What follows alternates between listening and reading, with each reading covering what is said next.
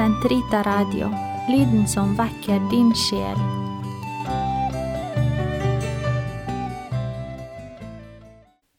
Karmels hage sesong to. Maria. Del fire.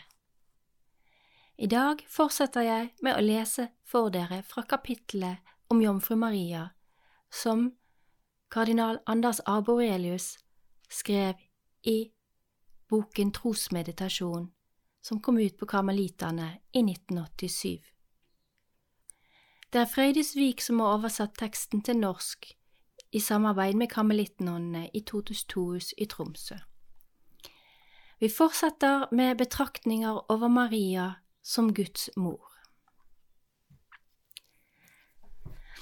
Som Guds mor er Maria jomfru, ja, hun er og forblir alltid jomfru. Som det femte økumeniske konsilet, det andre i Konstantinopel, fastslo i år 553. De tre stjernene man finner på så mange Maria-ikoner, illustrerer nettopp Marias trefoldige jomfruelighet, før, i og etter Jesu fødsel. Som kirkevedrene sier, hun er og forblir jomfru, og har dessuten moderskapets heder, fastslår Augustin. Dette dogmet om Marias evige jomfruelighet aksepterer også Luther. Ja, bare det faktum at kristne av alle nyanser kaller henne nettopp Jomfru Maria, viser at det dreier seg om en allmennkristen tro på, en, på et blivende faktum. Først i moderne tid har de av Jesu brødre og søstre som forekommer i evangeliene, av enkelte blitt proklamert som brødre og søstre i kjødet, men da i strid med det dogme som alle kristne samfunn aksepterer, og i en viss grad også mot eksegetikken, den juridiske storfamiliens brødre og søsterskap, som er bredere og ikke begrenset til den senere kjernefamiliens brødre og søstre. Marias jomfruelighet er, som Karl Barth påpeker, først og fremst et tegn på Kristi guddom. Jomfrufødselen er, er et tjenende dogme, som understreker inkarnasjonens faktum, at jomfruen skulle føde en sønn, jf. Josias 7,14, er et messiansk og eskatologisk tegn. Den ytterste tiden bryter inn når naturens sedvanlige orden settes ut av spill og nådens overnaturlige orden innstiftes. Jomfrufødselen er altså et frelsesmysterium. Den har, som alle slike, et trinitarisk grunnlag. Det er Faderen som sender sin ånd over Maria og lar sin sønn unnfanges i henne. Alle de tre guddommelige personene er i virksomhet i Maria. Hun, dogmenes krone, kaster sitt lys over treenighetsmysteriet, som gjenspeiles i det menneskelige som ble skapt i Guds bilde. Du har født Sønnen uten far, den sønn som fødtes av Faderen uten mor. I likhet med Faderens farskap i den guddommelige sfæren finner man Guds mors morskap i den menneskelige sfæren, urtypen for kirkens moderlige jomfruelighet, skriver Paul Evdokimov. I en rik tekst med både patrisiske reminiscenser og et overblikk som burde tilfredsstille den djerveste feministiske teolog den hemmelighetsfylte fødselen som strekker seg over tid og rom, altså at Faderen innenfor treenigheten av all evighet unnfanger sin enbårne sønn, gjenspeiles i det faktum at Maria blir mor til sønnen i tid og rom. Bare jomfru Maria, en kvinne, kan gi oss en anelse om det som er det innerste mysteriet i tilværelsen. At Sønnen utgår fra Faderen. I Gud finnes verken mann eller kvinne, men både det mannlige og det kvinnelige trengs for å gi oss en anelse om hvem Han er. Den evige Faderen er som en menneskelig tilgivelsens far som tar imot sin bortkomne sønn med åpne armer. Lukas 15, 11–32. Men han er, som evangelisten sier, og det allerede før det meddeler lignelsen om den fortapte sønnen, også som en kvinne som leter etter sin tapte mynt og gledes over å gjenfinne det hun har mistet. Lukas 15, 8–10 Kirkefedrene talte derfor i evangeliets fortsettelse om mennesket som en dyrebar mynt som selv om det har falt i skitt og støv, bevarer sin innerste verdighet som Guds avbilde, liksom den fortapte sønnen, alltid forblir Guds elskede barn.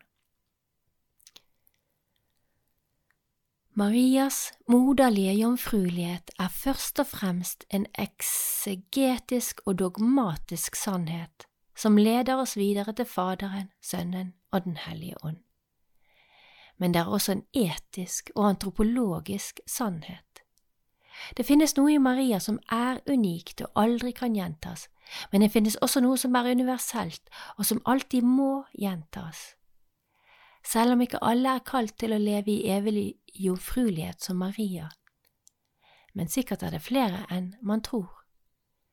Så har alle tenkt å leve i en åndelig jomfruelighet, altså i Maria brudens kirkens totale hengivelse til Kristus, og også i kroppslig jomfruelighet gjennom en del av sitt liv. Denne siste påstanden strider flagrant mot en av nåtidsmenneskets viktigste dommer dogmer. For visst har de dogmer, samme hvor, hvor hardt de fornekter det. Selve fornektelsen av at det finnes en absolutt sannhet, er jo et dogme for mange, som sier at alle har rett, ja, plikt til å leve ut sine seksuelle behov så tidlig som mulig og med så mange som mulig. I et klima som er så preget av hedonisme, er Jomfru Maria forståelig nok en rød klut. Men det er nettopp det som trengs, en mor som tør å si fra når hennes barn går seg bort. Igjen ser vi at Maria kan korrigere det som er galt, promiskuitet og prostitusjon, og verne det som er sårbart, kyskhet og avholdenhet. Ettersom hun er helt frigjort fra syndens maktsfære, gir hun alle, menn som kvinner, gifte som ugifte, hjelp til å leve i overensstemmelse med Guds vilje. Kirkens mor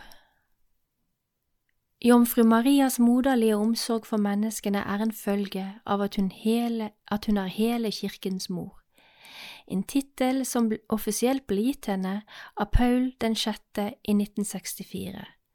Selv om Marias moderskap overfor kirken er en tanke som ble elsket allerede av kirkefedrene.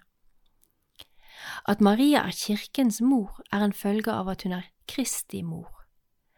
Når Maria fikk føde Kristus til verden, ble hun også mor til alle hans lemmer. Hun er mor til Kristus totus. Kristus i hele hans virkelighet som Gud og menneske og som kirkens hode.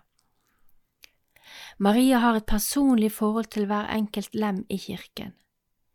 Vi har allerede sett hvordan hun gjennom sin overgivelse i tro, håp og kjærlighet er et universelt forbilde for alle kristne, noen som vi kan identifisere oss med og på den måten bli det vi var ment å bli i kirken.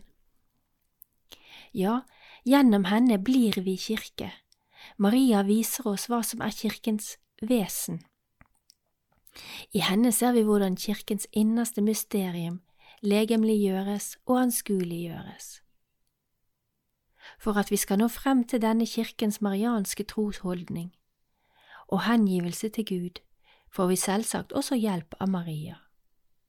Hun er ikke bare et forbilde som vi kan identifisere oss med men også den talsmann og formidler som alltid hjelper oss til å nå målet. I sin moderlige kjærlighet bærer hun omsorg for sin sønns brødre, som enda er på pilegrimsferd og befinner seg i nød og fare, til de når frem til det himmelske fedrelandet. Derfor blir den salige jomfruen i kirken påkalt som talsmann, hjelper, tilflukt og formidler. Dette står i Lumen Gentium nummer 62. Maria vil ikke skygge for vårt blikk på Kristus, hun vil bare formidle Hans nåde til oss gjennom sin moderlige hjelp. Hun er, som det annet Vatikankonsil sier, vår mor i nådens orden, og dette faktum innebærer at hun allerede i sitt liv på jorden, med fri tro og lydighet, medvirket til menneskenes frelse. Igjen sitater fra Lumen Gentium. Rollen som Maria av ren nåde får innta i frelsesverket, gir oss i et lynglimt en dyp innsikt i menneskets verdighet. Gud vil i sin kjærlighet at mennesket skal samarbeide med ham. Mennesket er ikke bare en blind og passiv pakke som blir frelst. Naturligvis er det Gud som frelser, men det må alltid finnes noe av noe som av fri vilje lar seg frelse. Her fremstår Maria gjennom sitt fiat, sitt ja-ord til Gud, som det store eksempelet ettersom hun mer enn noen andre lar Gud handle. Seirer nåden til det fulle i henne, og dermed strømmer den også over til andre. Det er alltid Gud som gir nåde.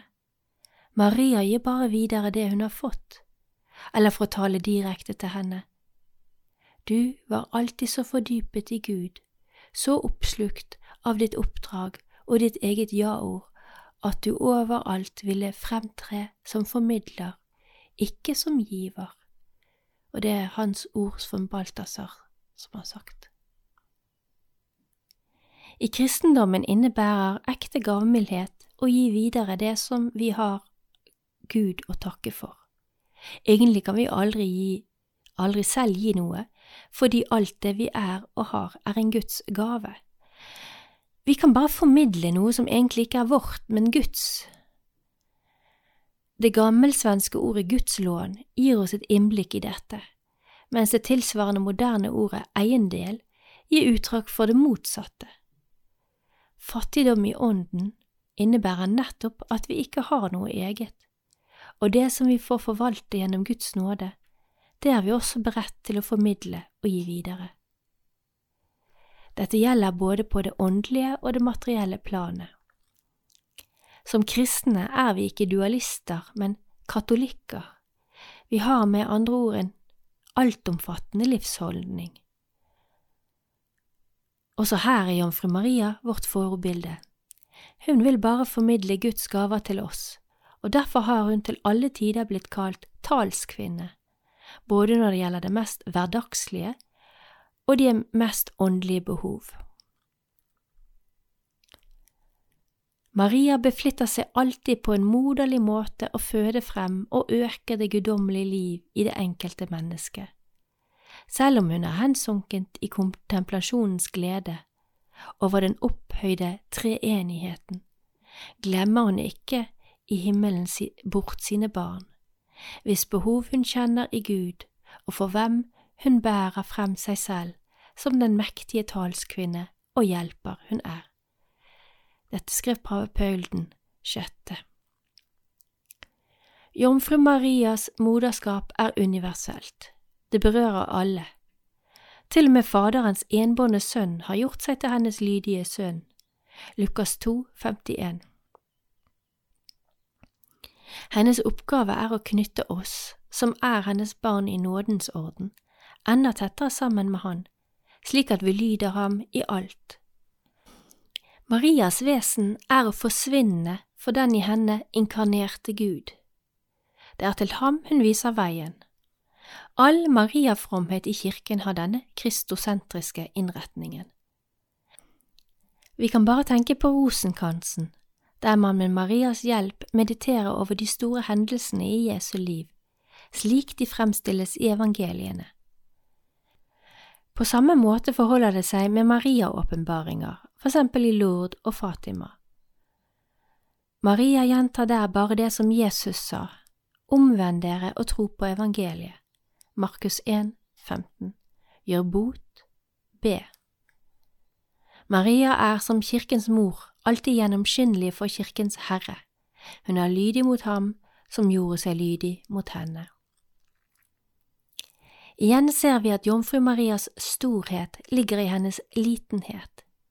Hun toner bort, Gud stråler frem.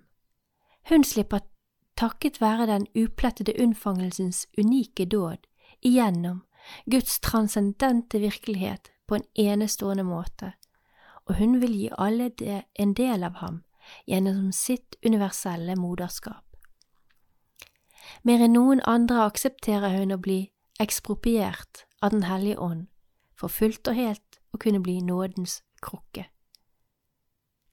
Romerbrevet 9,23 Som hun også er kalt. Ja, hennes føyelighet overfor Åndens verk er så stor at Paul Evdokimov sier at hun utøver et slags Åndens ministerium, et embete og en tjeneste i kirken. Den hellige ånd, som er parakleten, trøsteren, trenger også noen som synliggjør hans personlige person og formidler hans verk på en synlig måte i kirken like som den viede embetsmannen gjør det på Kristi vegne. Slik har man alltid betraktet Maria som den som gjør Åndens guddommelige ømhet og uendelige medlidenhet synlig. Den menneskelige svakheten og smertens hellighet lyser imot oss i Maria. Da hun sto tilsynelatende maktesløs ved sin sønns kors, ble hun gjort til mor for hele kirken. Johannes 19, 27. Der ble kristendommens store paradoks tydelig. Det som kan tyde på et definitivt nederlag, er i stedet en fullkommen seier. Kristi seier på korset gjenspeiles i Maria, og meningen er at det også skal gjenspeiles i hvert lem i Kristi legeme. Det er Marias oppgave som vår mor å la Den hellige ånd gjøre oss så Kristuslike, at Faderen med gjenkjennelsens glede får se sin sønns ansikt i oss. Vi avslutter med kardinal Anders Aborelius' bønn for våre unge. Hellige Maria, Guds mor, til deg tar vi vår tilflukt i all vår nød og med alt som tynger oss. Ta deg av alle svake og små som ikke har noen annen mor. Vern om troens gave i dem som har svak tro. Vis din moderlige beskyttelse, og hjelp de unge til å bevare troens liv. Hold aldri opp med å våke over dem som glir bort fra din sønn og hans kirke. Dra dem tilbake til ditt morshjerte med kjærlighetens bånd, og led dem frem til Jesu hjerte. Amen.